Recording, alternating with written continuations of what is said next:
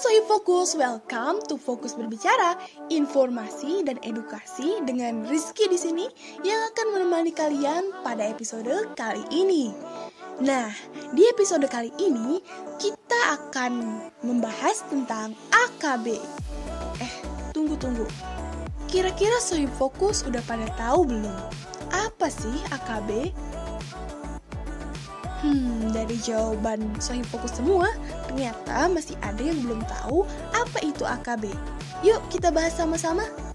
AKB adalah adaptasi kebiasaan baru. Lalu, apa yang bisa kita lakukan di adaptasi kebiasaan baru ini? Utamanya, tetap di rumah dan hanya keluar rumah bila memang benar-benar perlu. Ini jelas penting, terutama bagi orang yang berisiko tinggi, termasuk orang yang lanjut usia dan yang memiliki riwayat penyakit jantung, tekanan darah tinggi, diabetes, dan paru-paru.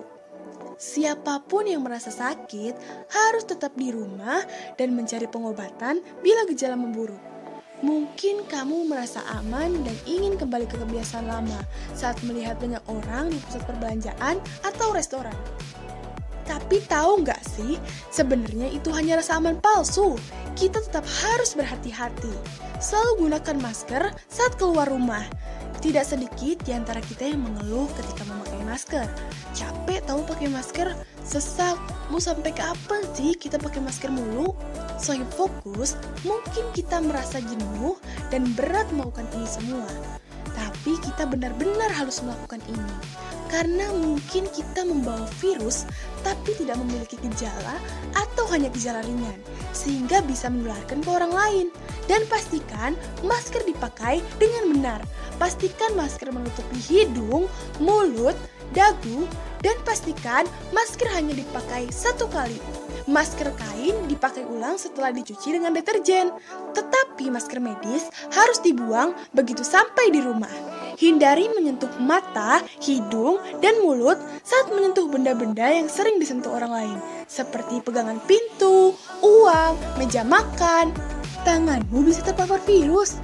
Mata, hidung, dan mulut merupakan pintu masuk virus selalu ambil jarak lebih dari satu meter dari orang-orang saat berada di luar rumah. Tidak sedikit di antara teman-teman pasti terkadang merasa tidak nyaman saat ada yang berdiri terlalu dekat. Bener nggak sih, stay fokus?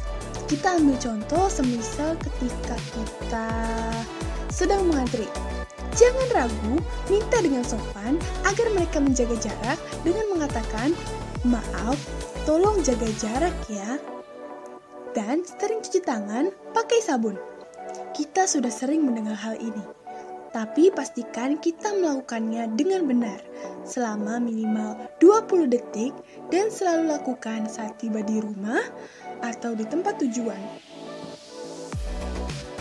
Saat Sohi Fokus sedang berada di luar rumah, cairan pencuci tangan yang mengandung alkohol merupakan pilihan bila sabun dan air mengalir tidak tersedia Teruntuk sohib fokus dan siapa pun yang mendengar podcast ini, saya, Dan deretan teman-teman Fokus 21 dengan hormat kami mengajak teman-teman dan siapa pun kamu untuk berdoa agar pandemi ini segera usai dan kita semua dapat kembali beraktivitas dengan normal.